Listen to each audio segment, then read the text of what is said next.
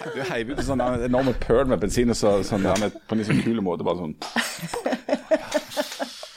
Ja, ja, ja. Arnold. Schwarzenegger. Hæ? Arnold Schwarzenegger. Ja, Arnold. Ja, Jeg håper teipen går nå, for dette er jo ganske bra. Ja. dette er gull. Du får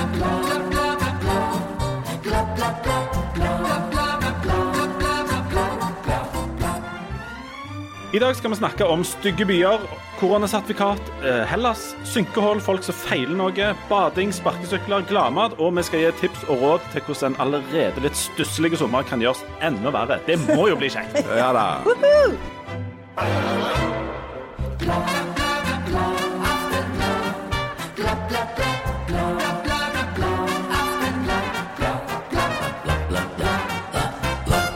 Hjertelig velkommen til Aftenbladet. Eh, Janne Stigen Drangsholt, professor, eh, husmaler og eh, en slags gudmor, i hvert fall åndelig, til Harry og Megans nye unge, som heter Ja, hva heter Lulaila? Nei, Lilibet. Lilibet. Lilibet. Diana. Lilibeth Diana Ja. Mountbatten Windsor. Ja. Det er et passelig navn. Men hun heter ikke Lilibeth, tror jeg, for jeg så ikke noen H der. Nei, Lilibet. Ja. Med Hun T- heter bare bare T. Og vet dere hvorfor? Nei, det, Vet du fortell. hvorfor, vet du hvorfor det Lillibet-navnet tok det opp? Er det det du skal ha et, kort foredrag i Royal Historie? Bring it on. Hvis du har lyst til å si jeg, Nei, du kan, si det, du det. virker så på hogget der kommentator Harald Birkevold, der du sitter. Dette var kallenavnet eh, liksom, til eh, dronning Elisabeth den andre eh, av Storbritannia. Fra sin far opprinnelig. Kong Charles. Kong Charles. Og det ble etter hvert bare det som, som uh, mannen hennes, Philip, kalte henne. Sånn at på grava til Philip, der han lå nylig i en alder av enormt mye, der sto, var det en, en krans, og der sto det 99. 99 år, Helsing Lilibet ifra dronning Elisabeth. Sant Så hun kaller seg òg det sjøl, egentlig. Ja. Og Det lille foredraget ble presentert av uh, Jan Zahl, som er Royal historiker. royal historiker og journalist, og en utømmelig kilde for byens restauranter nå når det åpner opp igjen. Ja, ja. Du har innført et slags nytt prinsipp i livet ditt. jeg har innført et nytt prinsipp om at jeg skal gå på eh, god restaurant i Stavanger, for i Stavanger er det veldig mange gode eh, restauranter. Ikke bare i Stavanger, men i Sandnes òg er det veldig mange gode restauranter. Men vi skal gå på fin restaurant og slå ut håret minst én gang i måneden, har jeg bestemt nå. Dere, ja, Er dette et slags eh, overklassemantra som du har Altså, det er så hardt i øvre middelklasse. Folk skulle bare prøvd. Ja, det, det, Men problemet ditt, problemet ditt er at det Ja, jeg noen skriver under på det. ja. nå, nå når pandemien har, eh, liksom går mot enden, så er du en av de der pengene har hopet seg opp. Ja, Har ikke ja. fått utgiftene til å strekke til. Ja, ja for det, men, men det, det er jo ikke, der er jo jeg bare en representant for folket. Dette er jo noe som har skjedd statistisk i Norge. Det har jo skjedd en pengeopphopning fordi at folk har jo ikke fått hatt så mye å bruke penger på. Og så har vi sittet der inne, og så er det mange som har tenkt på ja, hva skal jeg nå gjøre. Og det de veldig mange har gjort, er jo at de har pustet opp. Det har jeg også blitt utsatt for. Kjøpt hund. Eh, ja, folk har kjøpt hund, der er det jo kø. Og de har gått på polet. Ja, hund hadde jeg fra før av. De har gått Polet. på polet som Ja. om det ikke var noen dag i morgen. Ja, og det har jeg opplevd faktisk i det siste, at det var en dag i morgen. Men eh, også, eh, også kjøper de jo hytte og fritidsbåter. altså Folk går jo bananas for å få brukt opp alle disse pengene. Men jeg har jo ingen interesse. Eh, altså, jeg, jeg, jeg vil se så mye fjernsyn jeg bare klarer, eh, og ellers gjøre minst mulig. Og dermed så, har jeg tenkt at ok, i prioriteringen framover, jeg har lyst til å, å, å være mer ute enn etter å ha vært inne i ett og et halvt år. Og så eh, syns jeg en skal gjøre alvor av det vi har snakket om i, ha, i halvannet år, at vi må støtte de der næringene som nå sliter. Det er bl.a. matnæringa, restaurantnæringa. Og hvis du kan kombinere det med at de lager enormt god mat, så er det jo en glede for meg òg der. Det er, jo noe, det er jo ikke noe som passer mer som hånd i hanske med middelklassen sine ambisjoner. Ikke sant? Altså, det å kunne gå ut og meske seg med luksusmat og bruke en masse penger på uanstendig forbruk, og samtidig føle at du gjør en god gjerning. Ja, ja. Det er jo, det er jo et kinderegg av en situasjon. Det er omtrent som når, når middelklassen går i, i Pride-tog. Men Janne, dere er i overklassen. Hvordan ser dere på dette? Nei, vi, vi syns det er litt stress hvis øvre middelklasse plutselig skal begynne å gå på restaurant. I tillegg til oss. Det kan bli litt Men dere er vel glad for at det fortsatt er sånne avstandsregler og sånn? Ja, det er vi glad for. Dere har sånn, sånn, hva heter sånn eget rom på fransk? Chambre séparé? Chambre séparé. Er det, Vi har panic room, i hvert fall. med, med Det er bøtte? mye, tipper jeg. Men du, for det, det vi kan si som, en, som, et, som et slags frampeik, det er at vi skal lage podkast på gladmaten. Fra Gladmaten. Fra Gladmaten og på Gladmaten. Ikke bare én, men faktisk to stykk. Og det er eh, et så slegent opplegg som folk, eh, så vidt vi har forstått, kan rett og slett komme og se på. Altså, Vi har fått mange spørsmål om eh, vi skal gjøre noe live, sånn at folk kan komme og møte oss. Som kommer til å være en enorm nedtur for absolutt alle. Men, men, nå, men vi skal faktisk gjøre det. Altså onsdagen og fredagen under Gladmatfestivalen skal vi rigge oss til en eller annen plass i byen her. Jeg tror, lurer på om det er på Nytorget, er det det? Eller? Ja, det, er Det det, er ikke langt fra der vi befinner oss nå. tror jeg. Jeg tror det er på Nytorget. Eh, sånn, litt sånn utpå ettermiddagen. Vi skal komme tilbake til dette og mase hull i hodet på dere om det. Men da skal vi altså ha en slags live eh, podkast der oppe som nok kommer til å kretse noe rundt mat. det må vi kunne si. Det ligger på en måte litt i sakens natur Ja. på Gladmaten, at det blir noe jazzing om mat. Det gjør det. Og når vi snakker om ligging Dette er et familieprogram, ja. og Det har vi Leif Tore Lindø. Ja. Jeg, for, jeg vil bare si det, jeg er veldig glad for å bli nevnt med navn, fordi at eh, Ja, ja, ja. det blir jeg jo som regel ikke. Takk. det blir du ikke. Du blir jo vanligvis oversett. Ja. Så ærlige må vi være. Men i dag ser vi deg som menneske og som kollega. Skyt meg, jeg vil ikke bli nevnt likevel. Hvordan har du ligget i natt? Du, eh, ja, nei, jeg har fått et litt sånn eh, senioraktig problem nå. Um, jeg har um, Jeg feiler sjelden ting og sånt, men i dag har jeg ligget skeivt.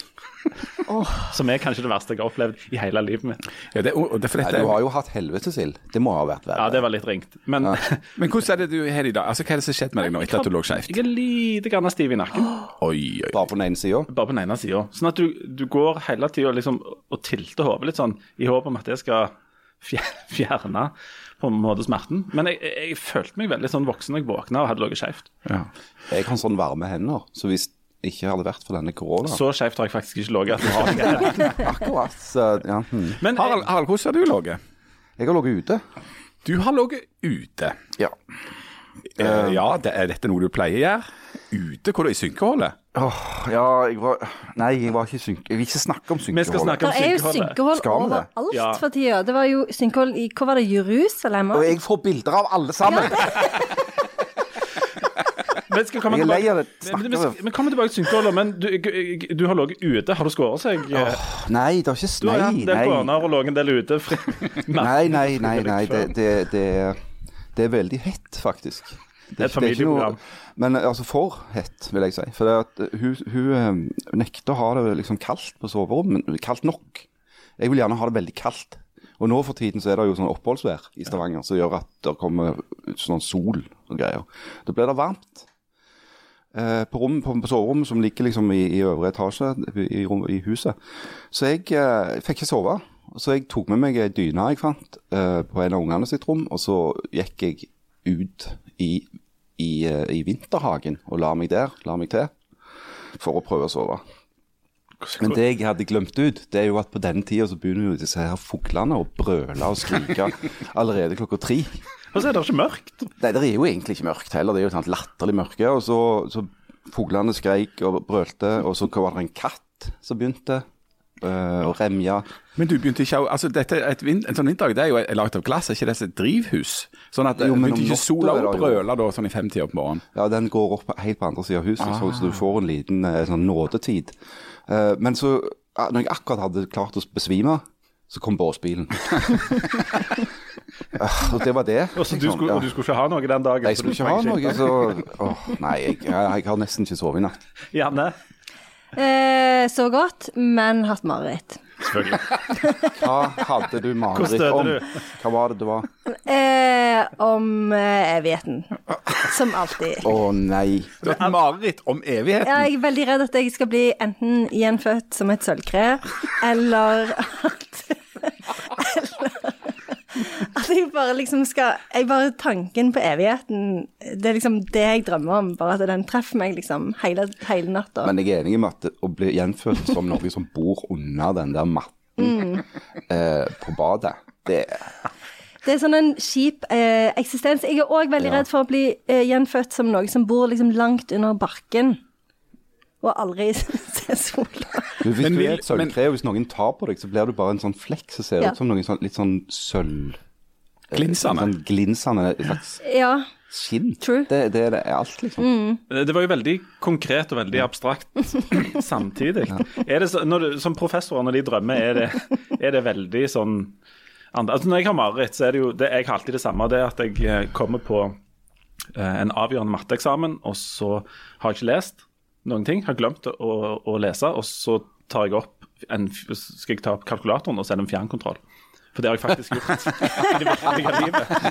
På, på Det var en veldig fin symbolsk ja, men altså. På videregående så hadde vi de kalkulatorene vi hadde i, i matten. Vi hadde en, en fjernkontroll til en TV som var akkurat like store.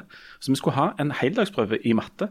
Og der er jeg i panikken for å rekke en buss, liksom bare soper med meg det som ligger som jeg tror er kalkulatoren. Så drar jeg opp og legger på bordet en fjernkontroll med TV. Jo. Og den, den følelsen der er Og vi hadde fått veldig streng beskjed om at eh, utstyret må dere sørge for sjøl. Det er ikke sånn at dere kommer her og så får dere utlevert liksom det ene og det andre. Så satt jeg skulle ha heldagsprøve med fjernkontroll. Og det har blitt et sånt eh, Ja, men mare. fikk du ikke låne? Jo, jeg gjorde jo det. Ja, for de, de er jo snille til Ja. Men det, jeg har veldig konkrete mareritt. Men eh, dine er mer sånn eksistensielle, og du tenker på Ted Huge. Jeg gruer meg veldig til det som kommer etterpå. Ja. Ted Hughes, han var, han var veldig Han var ikke redd. Han var ganske sånn rolig i møte med døden. Mm. Ja, han var det. Han hadde jo hatt en god anledning til å øve seg kanskje litt på det. Ja, det. han hadde jo det, men han var jo veldig opptatt av at det var helt greit å bli liksom revet i stykker av eh, eh, fugler, eller liksom hakka i hæl. Det var ok. sånn. Det, Det var- Han var, det var han helt OK med. Så det er jo ikke jeg. Du river, liker bare å rive i eh, sunt fugler sjøl. Rive av hodet av dem, f.eks. For de som vil vite The Dark Side of eh, Janne her, så kan dere lese den første boka hun Det var den første, ikke Ja. jeg, jeg har jo ikke lest den. Men du har, har han? Jeg har hørt om den. Ja. Og så har jeg lada som jeg uh, leste den en gang, du, som starter med at du reiv sånt en fugl. Men uh, det som eh, på en måte er blitt et slags gjentagende tema her, er jo disse synkehullene, Harald. Og Hvorfor gjør du dette med meg? det er fordi jeg ikke liker deg særlig godt. Jeg vet jo det. Men altså øh, Du begynte jo sjøl. For på et eller annet tidspunkt så kom du her, og så begynte du å syte og klage over at du hadde et enormt synkehold i hagen. Um, og så har jo dette eskalert på et vis. Um, og i siste uke, var det vel, så plutselig så var det en, en bil som sto litt på skeiva ute på Sunde. Yep. Ja, En asfaltbil som plutselig ramla ned i et I, hull I asfalten. I asfalten. Som alle som jobber i avis, syns er kjempeløy og bruker masse tid på å prøve å Can't finne. make this shit up. Ja. Eh, når, når det skjedde, altså i det, faktisk før vi fikk publisert det, så ringte første person til meg i sånn Har dere sett Har dere kontroll på han Birkenes, eh, Vold? Er det han som har Å, nå har jeg kjørt feil. Og så ramla det inn med bilder til meg, som jo ikke er deg. Hvordan er det for deg å bli synkeholdsansvarlig? det- er relativt travelt. Altså, jeg tuller ikke når jeg sier at jeg minst sånn ja, mellom fem og ti ganger til dagen i det siste har fått henvendelser fra folk som- det, det, som består av kanskje bare et, en screen grab da, av et synkehull et eller annet sted i verden. Og så sånn så ja, de tagger de meg, da, ikke sant? Eller et eller annet sånt, og så, så må jeg forholde meg til stadig. Nå var det jo nettopp et grassat synkehull i Jerusalem. Enormt, det. Ja. Skal, de skal gjøre alt så dramatisk i Jerusalem, så det gjorde de med det synkeholdet òg. Biler ramla ned i alarm og gikk. Eh, så kommer det liksom hashtag 'Hagen til Birkevold'. eh, men det er jo litt løye òg, eh, altså i, i små doser. Men, men stort sett så er det jo bare fortvilende og, og, og, og mørkt. Jeg, og der, jeg eh, snakket òg med noen som um, fortalte at de skulle ut og bare gå seg en tur i, eh, i Stavanger. Og eh, på et tidspunkt der så ble det et tema om det var innafor å google eller finne adressen til Birkvold sine, sånn at de bare kunne sige forbi haven og se dette monstrøse Jeg har, jeg har hatt en synkehullsturist. Du har det, ja? Ja, vilt fremmed menneske. Jeg var ute og klipte plenen. Og så så jeg en fyr som drev og så hang rundt eh, inngangspartiet. Og så Til slutt så måtte jeg liksom stoppe motoren og spørre om jeg kunne hjelpe vedkommende med noe. Og da var det bare sånn hø, hø, hø. Er det du, sier han der. Hø, hø. Så, ja, jeg lurte på det der hunkehullet, liksom. Så han fikk, jo, han fikk jo være med og se på det, da. Men eh, jeg føler jo òg at du driver og klager over dette, samtidig som du melker det for egen kjendisstatus. Um, Jeg er jo en skamløs person. ikke sant? Så ærlige må vi være. Ja. Eh, jeg satt og, og skrev inn i, i et av disse Aftenblad-systemene her en dag. Jeg skulle skrive en artikkel eh, tror det var i forbindelse med denne podkasten. Og da får vi eh, i et sånt sidepanel får vi forslag til sånne hashtagger, som, altså sånne folk, ord folk kan søke etter og sånne ting. eh, altså sånn Emneknagger. emneknagger. Da fikk jeg forslag om å legge på Harald Birkevold som en sånn en. Jan Zahl som en sånn en. Janne Stigen Drangsholt som en sånn en. Og der stoppet det vel? men, men, men det høres ut som du har dekket de fleste på en måte temaer og folk da. Så ble jeg igjen sånn invisible man. Og det stopper ikke der. Men jeg eh, hadde en veldig rar opplevelse. Jeg vet ikke om jeg fortalte den før, men dette var på vei ut av en Kiwi-butikk for Kan det ha vært et år siden, eller noe sånt? Eh, Der jeg omtrent krasjer med en fyr eh, som så litt sånn lettere forvirra ut. Og så eh, sier han i litt sånn den der forvirrelsen som oppstår når ingen vet hvem som går til høyre og venstre og du nesten krasjer, så sier han Jeg aner ikke hvem han er. Jeg, jeg, jeg, jeg, jeg vet hvem du er, altså. Det er ikke sånn at du har egen Wikipedia-side eller noe, men, men, men jeg vet hvem du er. Og så bare går han. ble jeg litt nysgjerrig. Hvem er det som har egen Wikipedia-side? Har dere? Ja, selvsagt. Jeg trodde, Du finnes vel ikke hvis du ikke er på Wikipedia? Nemlig. Jeg kan ikke tenke meg at jeg har. Skal vi sjekke? Eh, Må vi? Ja. ok. Sjekker du nå? Nå sjekker jeg. Jan Sahl, Wikipedia. Du har skrevet den sjøl? Ja, for det, det, det jeg lurer på, er, er det sånn at folk går inn og skriver sjøl? Det er til og med et alvorlig bilde der du har på deg et grevlig skjerf, Oi. og du er beskjeftigelsen oh, ja, journalist og skribent. ja. Det har jeg sett før. Det ble tatt av noen i, i, og ble lagt ut på nett med tittelen 'Jan Zahl er død'. Så lenge var det sånn at hvis du googla mitt navn, så kom det opp 'Jan Zahl er død'. Og det var, det var som en del av et sånt fiksjonsprosjekt eller et eller annet sånt ute på Garborg-senteret. Men uh, det var mest en sånn jeg stokk litt sjøl av og til. Hver gang Du er jo jeg googlet død meg inni selv. deg, da. Jeg ble å meg sjøl minst en gang til dagen. Og det at jeg da fikk opp Som at jeg var død. Ja. Jo da, men Jan Zahl har Wikipedia-side, og grunnen til at jeg mistenkte at du sjøl hadde lagt den inn, det var at eh, en av disse Mikke Mus-prisene du har vunnet, noe Utenriksdepartementets nynorskpris for folk bosatt på Bryne eller noe, jeg var nevnt. Så jeg tenkte at du har sikkert gjort det sjøl. Målblomen, den er nevnt. Så tenkte jeg Nei, den er ikke nevnt. Å ja. Nei. Den må jo legges inn. Men Wikipedia, Janne Stigen Drangsholt. Herregud. Overklassen har jo selvfølgelig Wikipedia-side. Så står det, masse, står det masse om at du er med i masse podkaster i NRK. Du, Ja, men- du må oppdatere den der Ja, sida. men jeg kan jo ikke skrive sjøl. Jeg kan jo ikke skrive sjøl. Det må jo du gjøre, Nei, altså, Du har vel en agent eller et eller annet sånt tjener eller noe sånt? Jeg har jo en agent, men jeg synes ikke han, han gjør liksom ikke så mye som jeg skulle ønske. Men, men det, står ting, det står ting som at du er tidligere hjelpetrener i turn og leder i FAU og sånn. Og Det er derfor jeg mistenkte at det kanskje Og så er det et bilde av deg som er på siden av noen Post-It-lapper, der du ser sånn middels fornøyd ut. Ja, det bildet er jo faktisk òg tatt på Garborgheimen, så nå føler jeg Nei, på Garborgsenteret, mener jeg. Så nå føler jeg jo at, de, at det er egentlig de som står på er de mye som av det sitter som Wikipedia produserer disse- ja, Ja, for nå ja. begynner det jo å bli klart hvem som skriver disse Ja. eh, Wikipedia-sidene. Ja. Det er Garborg-senteret. Ja. Arne Garborg sitter der. Jeg nekter å tro at Garborg-senteret har skrevet en Wikipedia-side om meg. Det er ikke noen Wikipedia-side om Harald Birkvold, Men du, du er jo dette sikkert noe sånn um, degradering, men du fins på noe som heter Everybody Wiki. Har dere hørt om det noen gang? Nei. Nei. Er det sånn eh, er det? navn? Tredjedivisjons uh, Ja, jeg tror det er sånt. Okay. Hva står det der, da? Nei, det står at han har siden 1998 vært tilknyttet Stavanger Det syns jeg var litt Ja, det er faktisk ganske presist.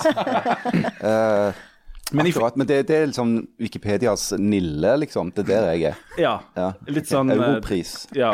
Tikronershaugen.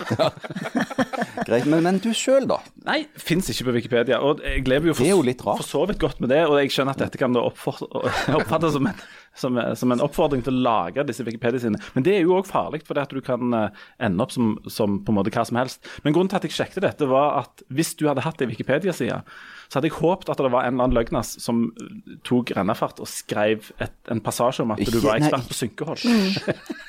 og det har jeg, jeg har veldig lyst Men til Men er det skal sånn at hvem som Altså, jeg kan ingenting om, om sånn datagreier. Uh, men er det sånn at hvem som helst kan bare lage en Wikipedia-side? Nei, det må gjennom noen kontrollinstanser. Så det er en slags kvalitetssikring? ja, det er kvalitetssikring. Så det sitter eh, fagfolk og fagpersoner og noen og på en måte luker det der bedet. Men hvis, hvis du først er inne i det der, så det er jo folk som legger inn litt sånn tulleinformasjon av og til på sånne, i sånne Wikipedia-sider. Mm.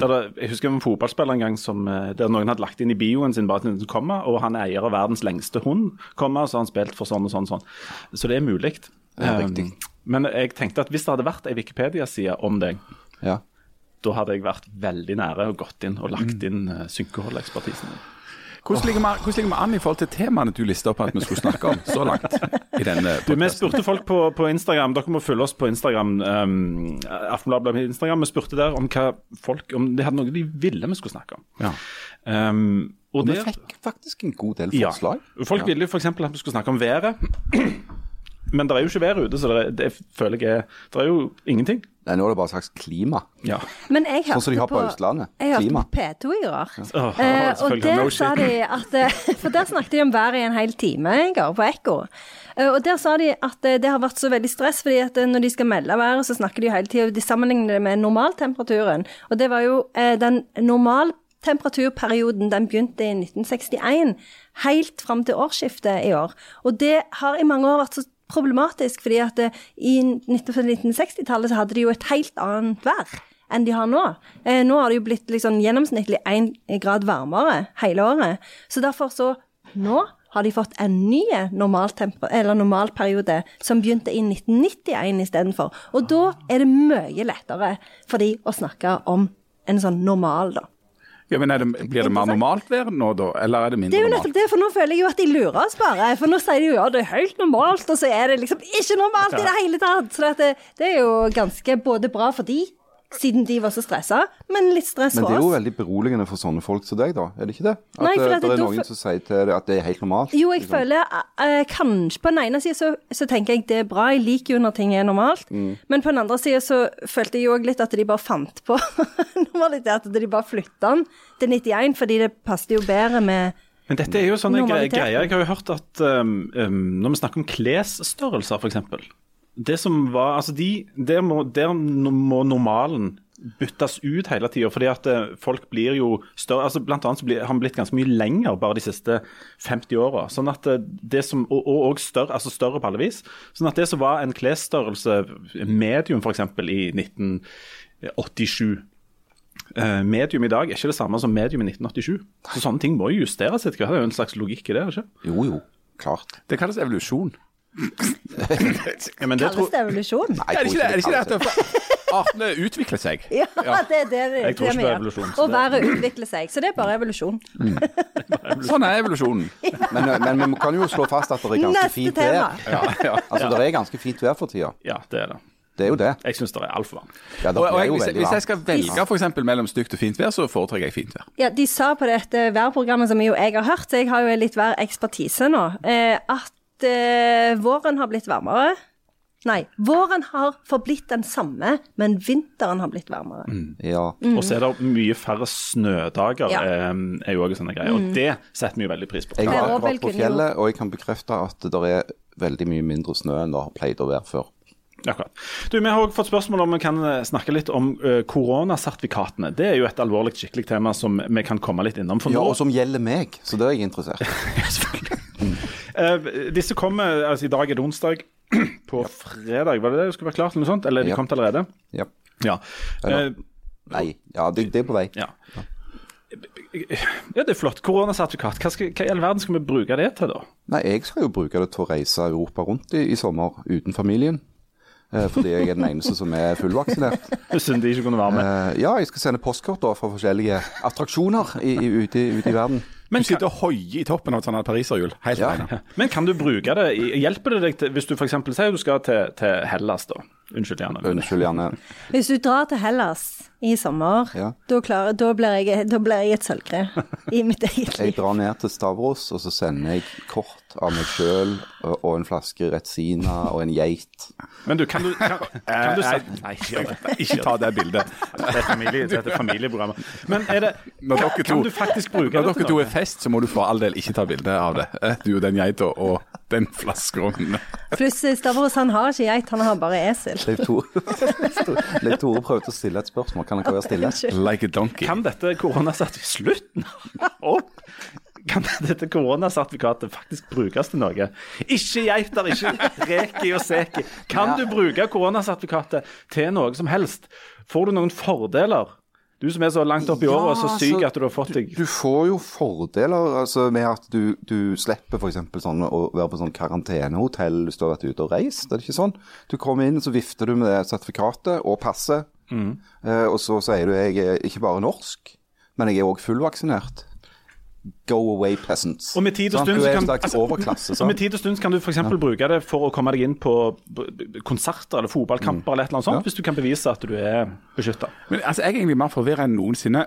Jeg, under, jeg er plutselig kommet under press hjemmefra fra en datter om ikke vi kan reise til Hellas. Og her I helga så møtte jeg noen som skulle reise til Hellas nå denne måneden. Da da. Eh, og, de- og de sa at det går altså at det ikke, Og Hellas har jo åpna opp. Eh, og Det samme har Spania vel nå gjort, og de greske øyene er smittefrie. Men det er det jeg begynner å ikke forstå. fordi at eh, De krever at du da skal ikke ha korona for å komme inn på disse øyene, i og med at de er smittefrie. Men sånn jeg forstår det, så kan du teste deg enten på Sola eller på vei ned, eller liksom ha en sånn test som er sånn 48 timer eh, Ja, han må være, han må være eh, nyere enn så og så mange timer. Ja, men da kommer du inn. Så, men det er jo litt sånn gambling da å kjøpe eh, billett ned til Stavros da, så og så mange uker eller måneder før. Men, og, kan du, så du kommer deg inn, men når du kommer tilbake er det litt sånn uklart eh, hva som skjer.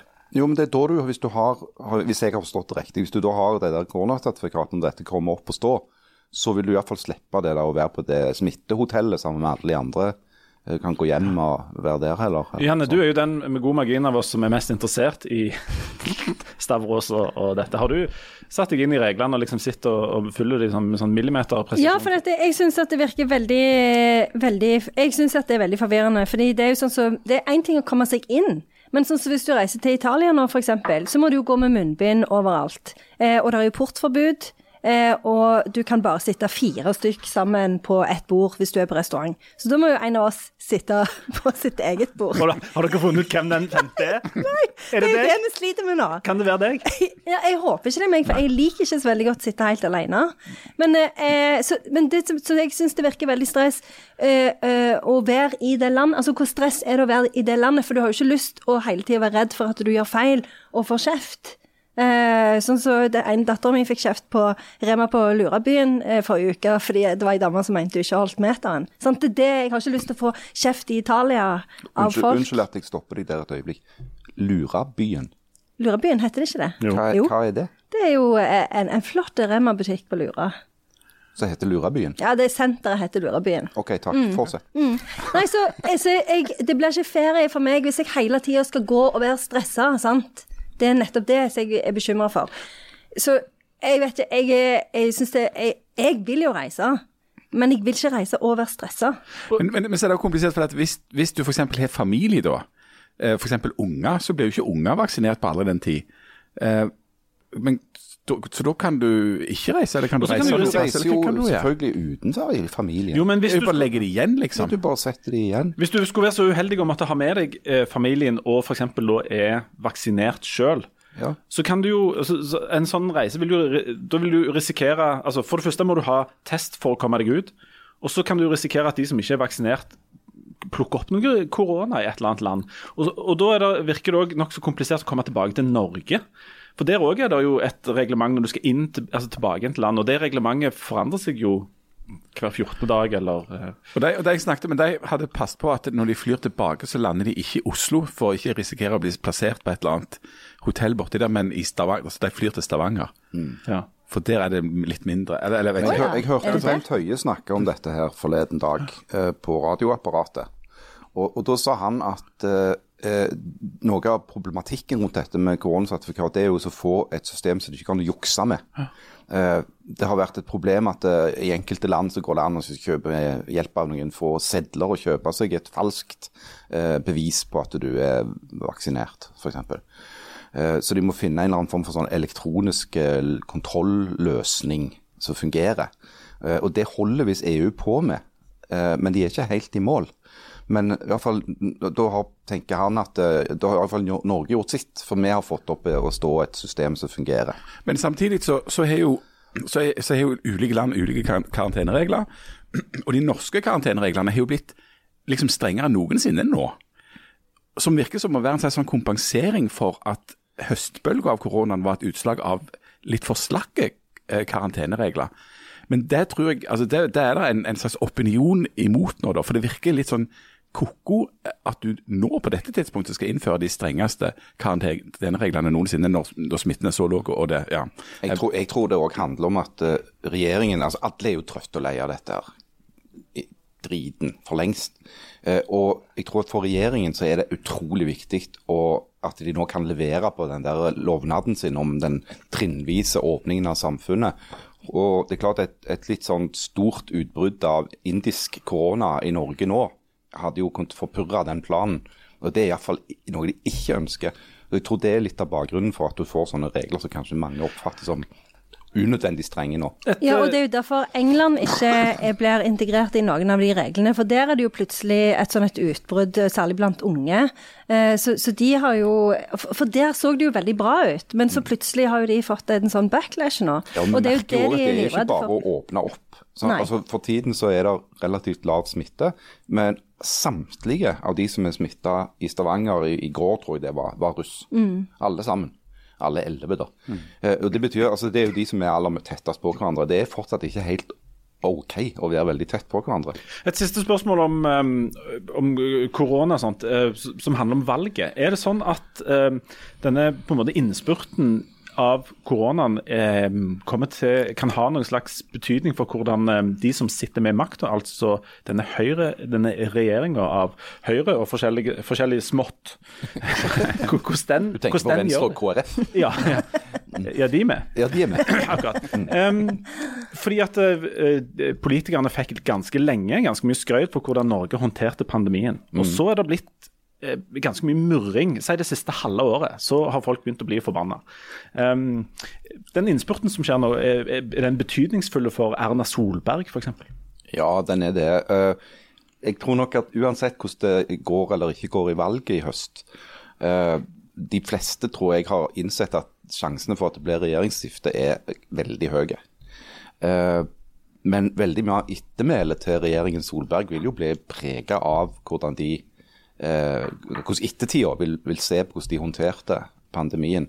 Og jeg tror fortsatt at eh, når karakterene skal deles ut, iallfall hvis du sammenligner Norge med andre europeiske land osv., så, videre, så vil Norge komme ganske høyt opp på den. For det, det, det viktigste parameteret på hvordan Norge har håndtert pandemien, er jo hvor mange som har dødd.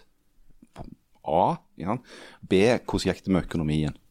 Eh, og på begge de punktene der så gjør vi det jo bra i forhold til veldig, veldig mange andre land. Men vi gjør det dårlig i forhold til norsk normalstandard, som vi gjerne er veldig opptatt av. Den. Vi, må, vi må lage en ny normal. Altså, du ser Ja, jo ja. altså En del av de som nå øh, maser mest om og plutselig igjen ikke sant, oppstår i sosiale medier som sånn eksperter på smittespredning og pandemi, er jo nå folk som bare er drittleie. Sant? Og en masse sånne kommentatorer som egentlig skulle vært i Paris. Sant? Og, og, og, nå føler at det begynner å bli forferdelig lenge siden de var i Paris. Jeg klarer, jeg klarer ikke å opparbeide den store øh, tålmodigheten med de folka der. Nei, og Hvis ikke Harald klarer å ha tålmodighet, med dem, da er det faktisk galt. Vi må ta en eh, liten pause. Når vi kommer tilbake igjen, så skal vi snakke om eh, eh, voksne, modne folk som eh, bruker sparkesykler. Um, folk som ikke rydder etter seg. Og så skal eh, vi prøve å um, lese opp noe post. Vi er øyeblikk tilbake.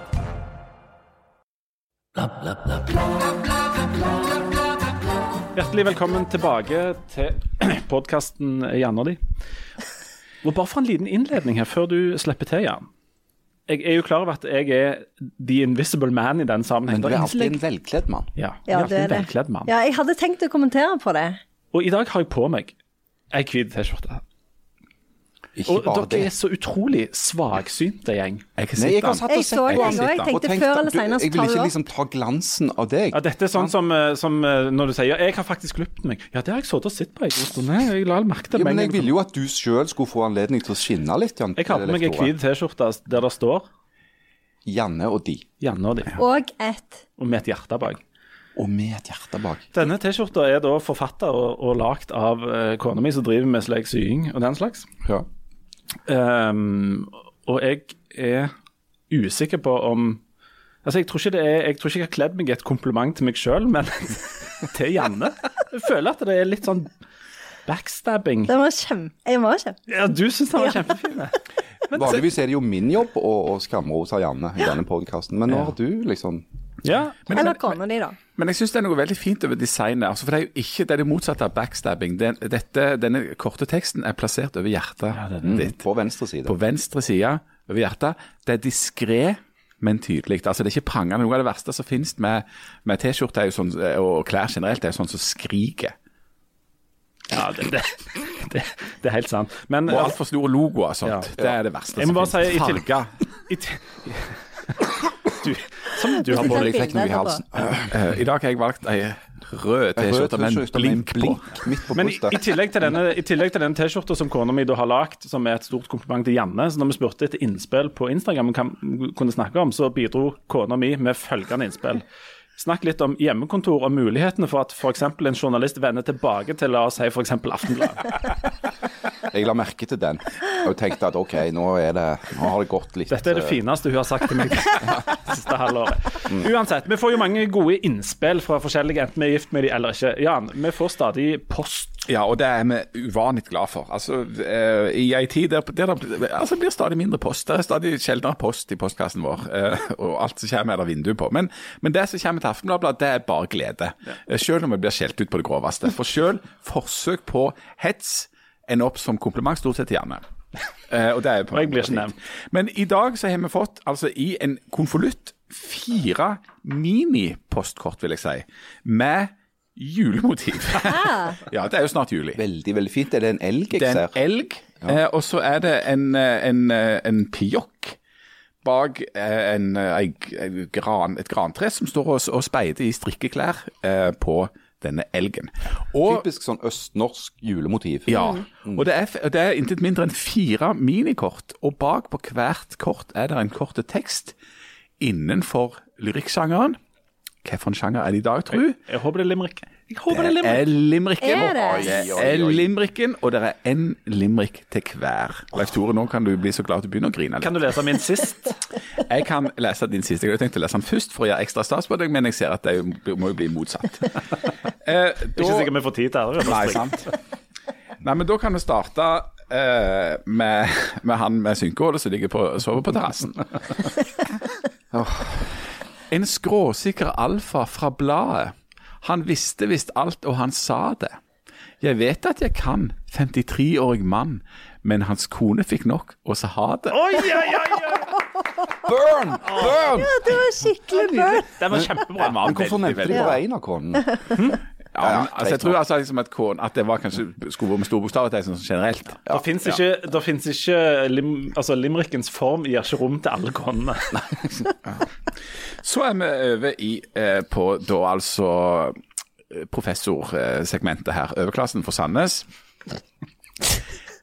En sprenglært professor så vant med suksess. Alle kniper ble løst da hun begynte å le. Men låst inne på do var det ingen som lo. Det passet jo godt på dystopisk turné. Oi, oi, oi, oi, oi, Den var veldig bra. Veldig høyt Ja, nivå på det dette. Events og liksom hele Ja. pakka. Jeg er helt imponert. Så. Og så, så er det yours truly. Et slags intellekt ifra Bryne. Kunne ikke sagt det bedre sjøl? Les, les den fra toppen en gang til. Ja, ta den en gang til. Jeg starter en gang til. Ja. Jeg forstår ikke hvordan vi kom på å skrive dette. Et slags intellekt ifra Bryne. Ja, det er, dette er så bra. Du må ta den fra toppen en gang til. Du må bare ta, les den fra toppen, Jan. Jeg Jeg, er jeg tar den fra toppen, jeg. Et slags intellekt ifra Bryne. Sammenlignet politiske syne. Ord der makt, fikk han akkurat sagt, før han fikk seg en neve i trynet. Det var jo det jeg sa, at Bryne er synonymt med neve i trynet i, i diktsammenheng. Det er jo det. Jeg, jeg, er, jeg er en blanding av så glad og trist nå at eh, er veldig, veldig høyt nivå på dette. Det er veldig bra. Men nå kommer rosinen Nå kommer i, rosinen i pølsa. Headliner. Eh, For en gangs skyld. ja, for en gangs skyld. Ja. En oversett stakkar som tror Skal vi ta det fra toppen igjen? Ja, ta det fra toppen. En oversett stakkar som tror. Var glad i å leke med ord, men han ble ikke sett. Send meg kort, iallfall ett! Det kom raskt. Du er flink. Hilsen mor.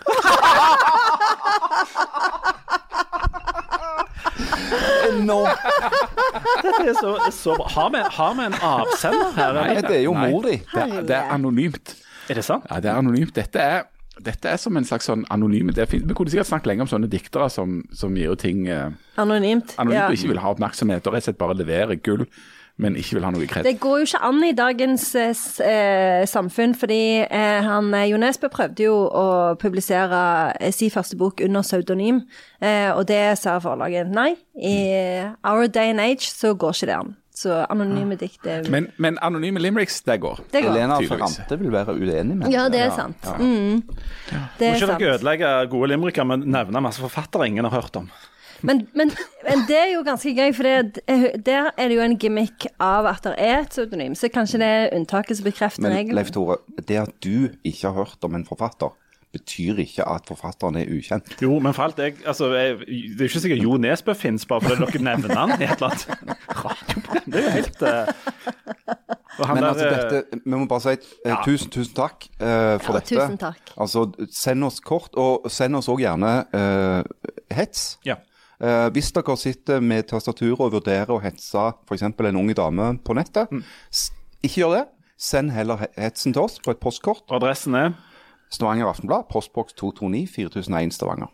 Og så finnes det jo òg andre diktformer enn en, uh, limericken og sonetten. Så ja, episke langdikt. Det er jo mye en kan, eh, kan gå for. Ja, du kan òg ha helt frie dikt. Ja, det Ja, kan en òg. Interessant nok så har vi ikke fått verken hets eller ros i helt frie form ennå. Nei. Nei. Så det er litt spennende. Mm. haiku. Er det Haiku går jo an. Hvis du føler at du må skrive i caps lock, så bare gjør det. Altså det er store bokstaver Ja, ja. som da blir på et postkort.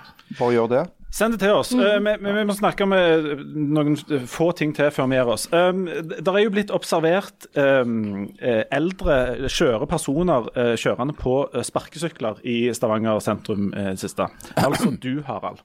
Ja. Som var den siste personen jeg tenkte meg kom til å benytte deg av dette tilbudet med sparkesykkel. Og så er det sånn at vårt mål her i, på Vestlandet er jo i all hovedsak å ikke bli Østlandet. Det er jo langsiktige målet vårt. Men du har jo jo du trykker omfavna rett på det så ømmeste punktet. ja, for du har jo omfavna dette østlandsfenomenet med å hive seg på en sparkesykkel og Med begge opp. hender. Nå vurderer jeg å få sånn månedsabonnement. uh, for det, dette er jo en helt genial måte å forflytte seg på. Uh, sparkesykkelen. Den, den lille uh, greia som du ikke eier sjøl, og bare kan sette fra deg. Helst midt på fortauet. Og det er jo det som er problemet. Ja. Eh, dere har sett, alle har jo sett bildene fra Oslo der det er 25 000 sparkesykler, og de bare ligger overalt. Og eh, folk snufler over dem. og Men sånn er det ikke i Stavanger. Jo, Nei. jeg har kjørt over en sånn sparkesykkel. Ja, det har jeg òg. Men, men eh, Men det er ikke sånn i sted. Ja, det, det er ikke sånn kaos. Altså, de aller fleste syns jeg oppfører seg ganske fint. Setter de fra seg på en relativt anstendig måte osv. osv. Så, videre. så videre. det er jo vi har jo ikke et sånt østlandsproblem her. Nei, men vi kommer jo til å få det før eller siden. Eh, Jeg er ikke helt sikker på det. Burde ikke dette vært eh, Det som jeg ikke forstår med disse sparkesyklene, er hvorfor det ikke kan være et slags eh, sånn et type sånn bysykkelsystem på det, der de må stå en eller annen plass. For nå ligger de jo De begynner å ligge ganske sånn overalt. På fortau og Ja, det er, er jo alltid mange løgnasser sant, som, som hiver de fra seg. Men mitt inntrykk i alle fall at eh, de aller fleste bruker de på en fornuftig måte. Og det er jo ganske F.eks. hvis jeg skal gå hjemmefra og ned hertil, så tar det meg sånn ja, 25 minutter, 20 minutter kanskje, hvis jeg ikke skal bli svett. Eh, på sparkesykkel fire. Eh, så det betyr jo f.eks. at jeg kan kunne ligge i vinterhagen 20 minutter lenger enn jeg ellers ville kunnet gjøre da. I morges og høre på båsbilen og, og kattene og fuglene og sånn.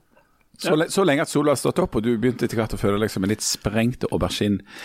Men akkurat Ja. eh, de der sparkesyklene er jo et interessant fenomen. For det, det er noe som da kommer inn i eh, si, samfunnet, nærmest, eller altså i det offentlige rom. Og så er det knapt noen slags regulering eller regler eller noe politikk for dette. her. Og Det er ikke så ofte det skjer at det plutselig kommer inn noe som det er liksom, både populært og så er marked for, og noen gründere som holder på med et eller annet sånt dette. her. Og så blir det sånn østlandske tilstander, da, osloske tilstander, der alt bare ligger og slenger rundt. Og så kommer da politikerne springende etterpå for at nå må de finne på noen politikk og noen regler og et eller annet sånt. Men det har de jo til dels fått til i Stavanger. da. For I Stavanger det som skjedde, var jo at politikerne, eller administrasjonen sikkert, gikk i dialog med disse selskapene og fikk til noen sånne kjøreregler med parkering forbudt soner og eh, begrensninger på antall osv. osv. Og, og fikk inn en slags disiplin på dette her eh, ganske tidlig. Og da har du ikke fått sånn kaostilstand. Og de hadde jo tendens til litt sånn kaos i Bergen òg. Eh, men i Stavanger så har, er mitt inntrykk i alle fall at det ikke har vært sånn fullstendig anarki. Ja, men, da, men da, er det jo, da er det jo prisgitt at du har noen eh, fungerende bystyre, eller byregjeringer nærmest. Eh, mens, mens så er det jo kommet nasjonale regler nå da i det siste. sant? At du ikke lover to på han Hareide Du kan få bot. Ja, sant. Eh, Men, men, men det er en sånn det er et sånn semilovløst eh, område. Ja, det var litt artig det. For det, at når disse to dukket opp, så var det jo mange sure menn, sånn som meg f.eks., som sa at eh, fysj og føy, dette, det var jo min første reaksjon. Det, ja, dette er noe nytt, jeg er imot. Ja, det er jo- de defaulten til de fleste. Det er jo en det er naturlig reaksjon. Det, ja, det er sånn en bør, skal bør re- reagere. Det er noe nytt som ungdommen holder på med, Forby bør forbys. Ja, ja. Men så har jeg endra mening, da. Uh, men Som er et svakhetstegn. Ja, det- er kanskje et et svakhetstegn, ja. men uansett. Så tenker jeg at Det som var litt artig, det var at når, når dette dukket opp, og de lå slengt rundt på, på fortau og gater og streder, så viste det seg at det, det var egentlig ikke helt forbudt, dette. Det- De, de visste ikke helt, Det fantes liksom ikke en paragraf i Norges lover som de kunne peke på og si at dette må dere slutte med. Uh, Så det var litt, sånn, litt løye òg. Mm. Altså, disse her, de var sånn pirater som bare kom inn og bare tok over. Ja, ja nei, men Det er litt sånn halvforvirrende. Janne, har du prøvd disse sparkesyklene? Nei, og jeg liker ikke så godt pirater. Jeg har mer tro på en Vanlige sjøfolk. Ja. Eh, og en sterk stat som sier at ting Ja, er Det er jo jeg ro god for. Som forbyr ting. En enormt sterk stat som Ja. forbyr ting, er jo mitt drømmesamfunn. Ja. Så, så pluss, eh, jeg syns eh, at det er eh, et problem Eller jeg blir veldig stressa av at det er så mange. Eh, tenker på sånn tenker på miljøet. Ja. Eh, og at det er synd at det hele tida skal komme nye, nye ting. Og de er jo forbruks... Eh, produkt, altså det er jo sånn, det er jo ting som blir kasta ganske kjapt, vil jeg tro. Men dette har, dette har jeg lest litt om, og det er, er på en måte to forskjellige um, potensielle regnskap for disse uh, sparkesyklene. Og hvis de brukes uh, mye og lenge og erstatter um, f.eks. bilkjøring eller sånne ting, og, og disse som, de må jo kjøre rundt og samle de opp. Altså Hvis den delen av transporten eh, ikke skjer med en, eh, en dieselbil f.eks., så kan dette miljømessig være et, et positivt tilskudd til en by. Men det, også, det kan òg gå helt andre veien, hvis de eh, bare ligger og slenger og eh, ikke brukes lenge. og Hvis de bare hiver de istedenfor å reparere de hvis de går i stykker. for eksempel, så er det, er det et minus. Og Hvis de bare erstatter folk som går eller sykler, f.eks., um, så er det ikke bra. De, de, det er et dårligere miljøregnskap på de enn på en elsykkel, f.eks. Um, men det kommer jo helt an på det. Det der kan gå, um, det der kan gå begge veier. Ja, så vi trenger jo en sterk stat da, som kan eh, velge det gode regnskapet. Og Det finnes mange eksempler på det på sterke stater som velger veldig mye for innbyggerne sine. Så det, det, altså, I Nord-Korea for eksempel, så Ja. sliter de ikke med dette i det hele Nei, tatt. de har ikke det problemet. De har klart å eliminere dette med sparkesykler. de det. eh, Ja, veldig fint. Ja. Men, men Harald, du er jo, du er jo et sjabert uh, menneske på veldig mange måter. Dette, denne nye entusiasmen for dette uh, framkomstmiddelet, det betyr at du ikke beveger deg fysisk med, din, e- med egne krefter i det hele tatt i løpet av dagen nå? Målet mitt er å, ha, å, å komme ned på null, null fysisk aktivitet. Ja. Ja, sånn, for du er ikke sånn skritteller, men den ville vist sånn 100 skritt nå. ja, det er liksom fram og tilbake til kjøleskapet og, Ja. og, og litt ut i synkehullet. Ja. Men en, et siste tema som er litt relatert til dette. Gjør disse um, sparkesyklene byen vakrere eller mindre vakker? For nå har det dukket opp en, eh, en diskusjon når rådhuset skal pusses opp eh, her i Stavanger. Så er det et, et, eh, et kunstverk som heter Kunnskapens tre. Som eh, plutselig var vekke fra noen tegninger. og Da blusser det opp sånne debatter om eh, vi bygger fint eller stygt i, i norske byer, f.eks. i Sandnes og Stavanger. Sandnes har jo i alle år vært kjent som en veldig vakker by, spesielt. Det er helt riktig. Mm. Dette, dette kunnskapens tre, når, jeg, eh, når det dukket opp, så tenkte jeg å herlighet, det der må du jo ta vare på, det er jo kjempefint. Så må jeg helt ærlig innrømme at etterpå så tenkte jeg hmm, jeg vet ikke om jeg hadde lagt egentlig så merke til det før. Har dere noen sterke eh, følelser knytta til det kunnskapens tre? Jeg, jeg tror ikke jeg hadde tenkt på det før jeg så at det skulle fjernes. Nei. Men bygger vi, bygger vi vakre bysentrum i, i Norge? Har dere fulgt med på arkitekt, arkitektopprør eller arkitekturopprør? Eller Jeg, jeg følger nøye med på det, Ja. um, og er med i den gru gruppen på, på Insta og på Facebook. Og Det er et slags så, sånn mantra om at vi bygger litt kjipt og stygt. Ja, det er det som er mantra. Det er jo det. Uh, det er mye stygge, likegyldige, menneskefiendtlige arkitektur uh, for tiden. og Har vært det en, en stund. Uh, og så er det òg en sånn helt, etter min mening, en helt sånn klar alt var bedre før-grunntone i de gruppene. Uh, og det er kanskje det som irriterer meg litt uh, med det. Altså, jeg syns det er veldig bra at det kommer en, en debatt blant folk om arkitektur og hva slags omgivelser vi skal bo i. For det er jo noe som angår, oss alle, ikke bare arkitekter. Eh, vi er jo omgitt av produktene til arkitektene overalt, og må jo selvfølgelig få lov å mene noe om det. Eh, men, men det som jeg reagerer på, det er den der eh, litt sånn klamme nostalgien som det er i enkelte av disse miljøene. Der, der sånn grunntonen er nei, vi vil ikke ha forandring. Alt var bedre før. La alt stå. Ikke gjør noen ting. Da blir det en trivelig plass å bo. Eh, og det syns jeg går litt i den andre grøfta igjen. Enige. Og så er jo det òg sånn at produktene til arkitektene som vi omgir oss med, er jo ikke bare et resultat av arkitektene sin vilje. De, altså, produktene er jo prisgitt politiske bestemmelser om hvor det skal gjøres hva for noe, og ikke minst utbyggerne sin økonomi. Og Det er jo et av de store problemene i arkitekturen, at det er jo i utbyggere sin interesse, hvis du vil lage masse leiligheter og tjene penger på det, å få flest mulig kvadratmeter med flest mulig leiligheter inn for å få flest mulig penger ut av det. Sånn at arkitekturen er veldig ofte et kompromiss i en slags treenighet mellom arkitektur, politikk og økonomi, næringsøkonomi. Eh, og og det, er det, det er det det har kommet veldig mye uheldig ut av, rett og slett, at du bruker opp byrom uten å gi noe tilbake til byen og fellesområdet og, og alt dette her. Og så er det både stygt, og det er ikke nødvendigvis veldig høy kvalitet, og det er bygd veldig ofte med tanke på en slags kortsiktig profitt. Ja, du, du er jo professor i, i arkitektur òg. Selvfølgelig. Nei, men det er jo noen sånne trender. altså Det som vi, det som vi bygger nå, syns vi kan, kanskje er ganske fint, mens det som vi bygde for 20-30 år siden, syns vi ikke er så fint. Eh, men hvis vi venter 20-30-40 år, da syns vi jo det er kjempefint igjen. Ja. Så det, vi, vi, vi må jo nødvendigvis hate en del ting som enten blir bygd nå, eller som ble bygd for en liten stund siden. Og så må vi la det stå for at vi skal synes det er kjempefint om 20-30 år, er det ikke sånn? Jo, kanskje. I hvert fall eh, noen steder så vil jo det sikkert være sant. Sånn som f.eks. i byer med en litt sånn lengre historie, f.eks. Eh, Stavanger og, og Bergen og, og Oslo, kanskje Trondheim. Så for der har en jo altså der har en jo en sånn en byfølelse. Sånn der har en liksom det med, med arkitektur tror jeg kanskje litt mer i bakhodet. Men sånn som i Sandnes f.eks. er jo en by som eh, av en eller annen mystiske grunn ble utpekt som eh, Norges styggeste by eh, på et tidspunkt. Jeg vet Det var fordi at noen hadde vært der. I, nei, sier du. Men, eh, men Sandnes, har jo, Sandnes er jo en av de byene som nå har muligheten til å bli en fin by. Eh, fordi at eh, Og da er det jo men, men i Sandnes er det jo sånn at alle i Sandnes går med liksom litt høye skuldre hver gang det blir bygd noe. For vi er jo litt sånn som New Hampshire, at det er veldig lite eh, lover og reguleringer. Og så er det i hvert fall tilsynelatende. Og så er det òg en del ting som blir bygd hvor en liksom ikke egentlig planlegger skikkelig. Sånn så en lagde jo eh, et ganske sånn stort bygg som heter Bystasjonen. Hvor en planla at det skulle være eh, en, sånn, en slags matgate i midten mellom to deler av det bygget.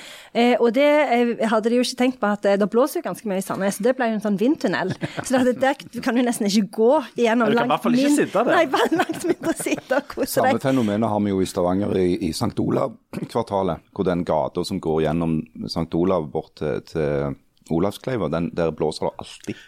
Så, og, og det området der er jo òg et sånt et område som er i utgangspunktet helt fantastisk. Hvis du bare hadde sett et bilde fra det og tenkt hva kan vi gjøre her, så altså, det er jo helt enestående det. Men det er jo ingenting der. Nei, det, det har vel ikke blitt det mest vellykka hva de kaller byrommet i, i Stavanger. Ikke sånn som torget, som har blitt helt top notch. Ja, Der er jo juryen ute, da. Noen syns at torget er blitt kjempefint, andre syns det er helt grusomt. De som driver med vindmøller, er jo glad i torget, for de kunne egentlig smelte opp en del uh... Ja, Men samtidig så, så kan du jo si at det, det er behov i Stavanger for en sånn stor åpen plass som vi bare bruker til spesielle anledninger. Så det at når det er liksom folkefest og greier i sentrum, og Gladmaten eller en eller annen sånn gratiskonsert og sånn, da fungerer jo torget utmerket, for det er plass til masse folk der. Hvis det hadde vært veldig mye eh, sånn, kronglete bygd og mindre vind, og sånn, så ville du ikke hatt den der store åpne plassen som du kunne bruke til sånt. Men, ja, Men hvis du- jeg skal ja. snakke litt mer om Sandnes, Sandnes. eh, så, så eh, vil jeg jo si at der skjer det jo faktisk veldig mye positivt nå.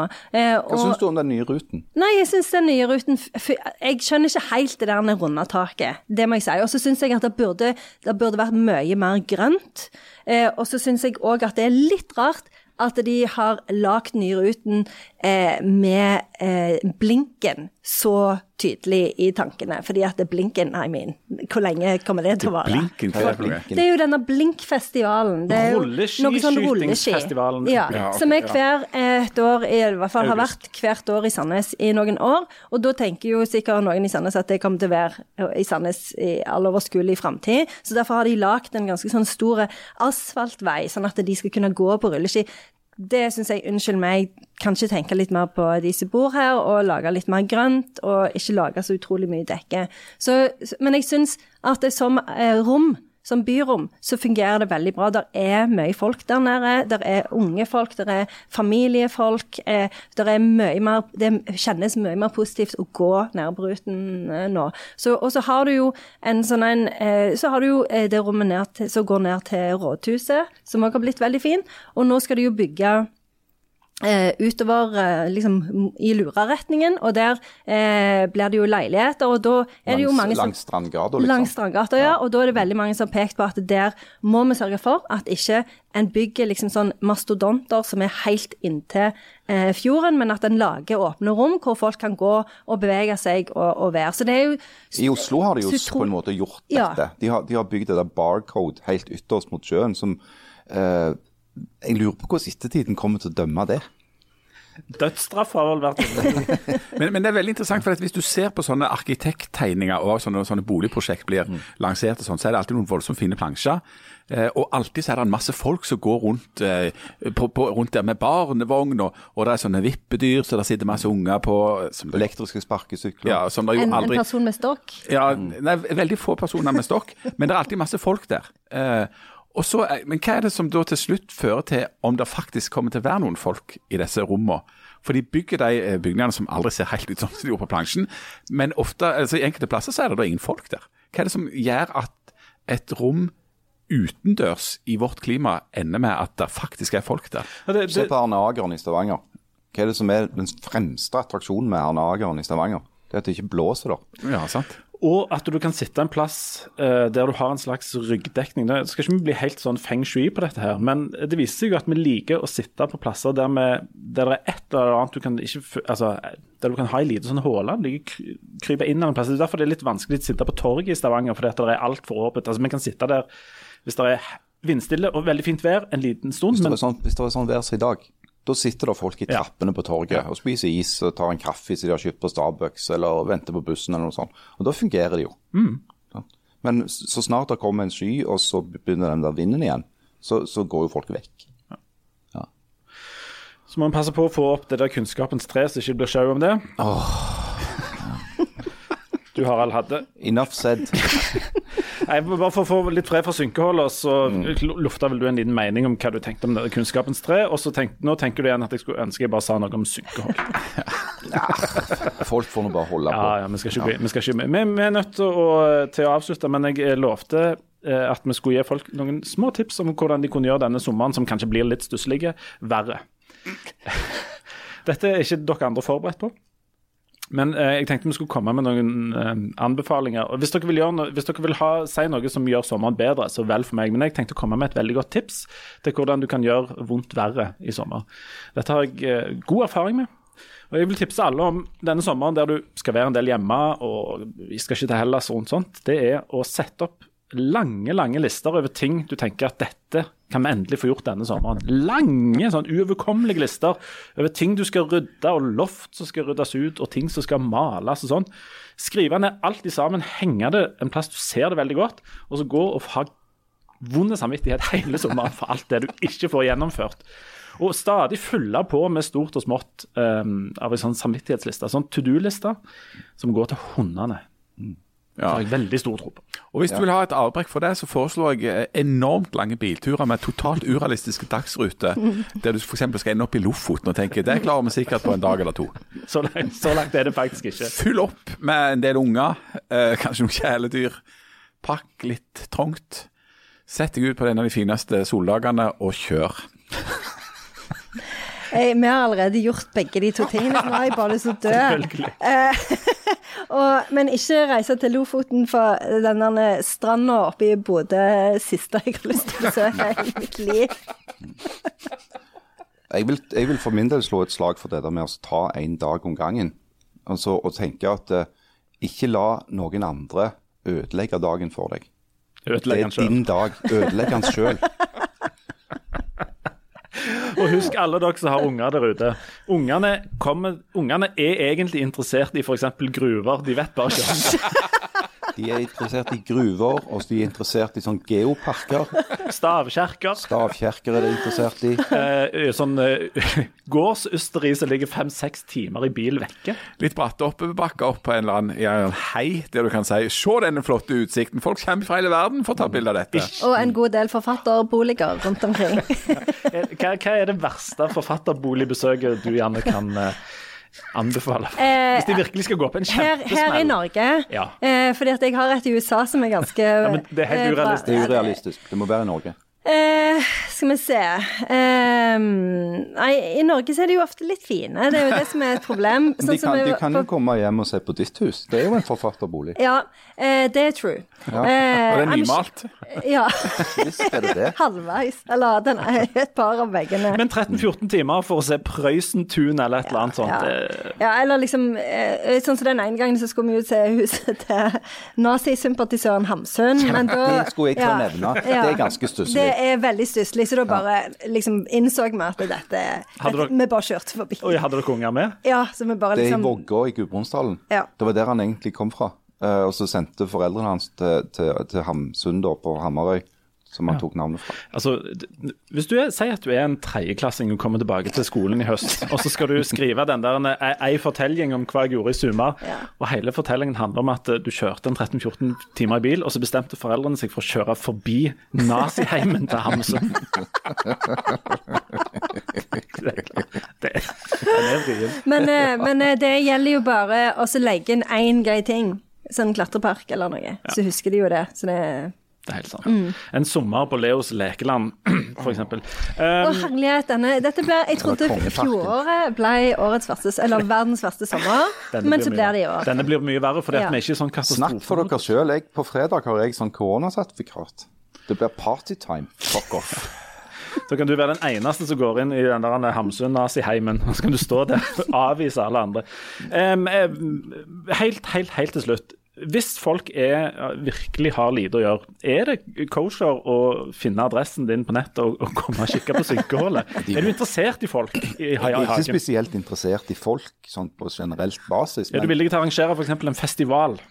altså, nei, nei, det er jeg ikke. Eh, eh, det er nok festivaler. Men, men jeg kan strekke meg til å si at hvis folk har lyst til å bare komme innom, eh, så, så må de bare gjøre det, altså. Eh, for all del. Eh, Men gå Men inn i hagen sjøl, eller? Altså, En minimum av egeninnsats forlanger jeg, så jeg kommer ikke til å si adressen eh, her på lufta.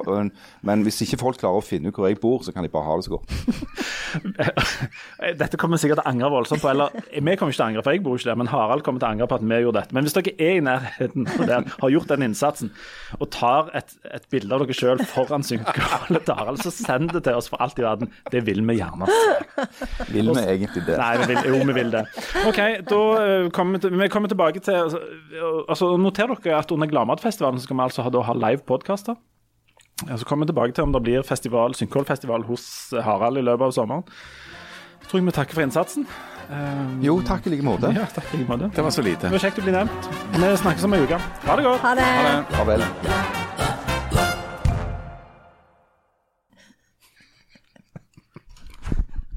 Dette, dette er en sånn klassiske ting der Har du vondt i ryggen fordi du har ligget ute? Har du ligget på en slags sånn pinnesofa? lå på en slags futon. Å ja. Har du ligget skeivt? Ja, jeg tror jeg har ligget skjevt. Det er biring. Det var en del av meg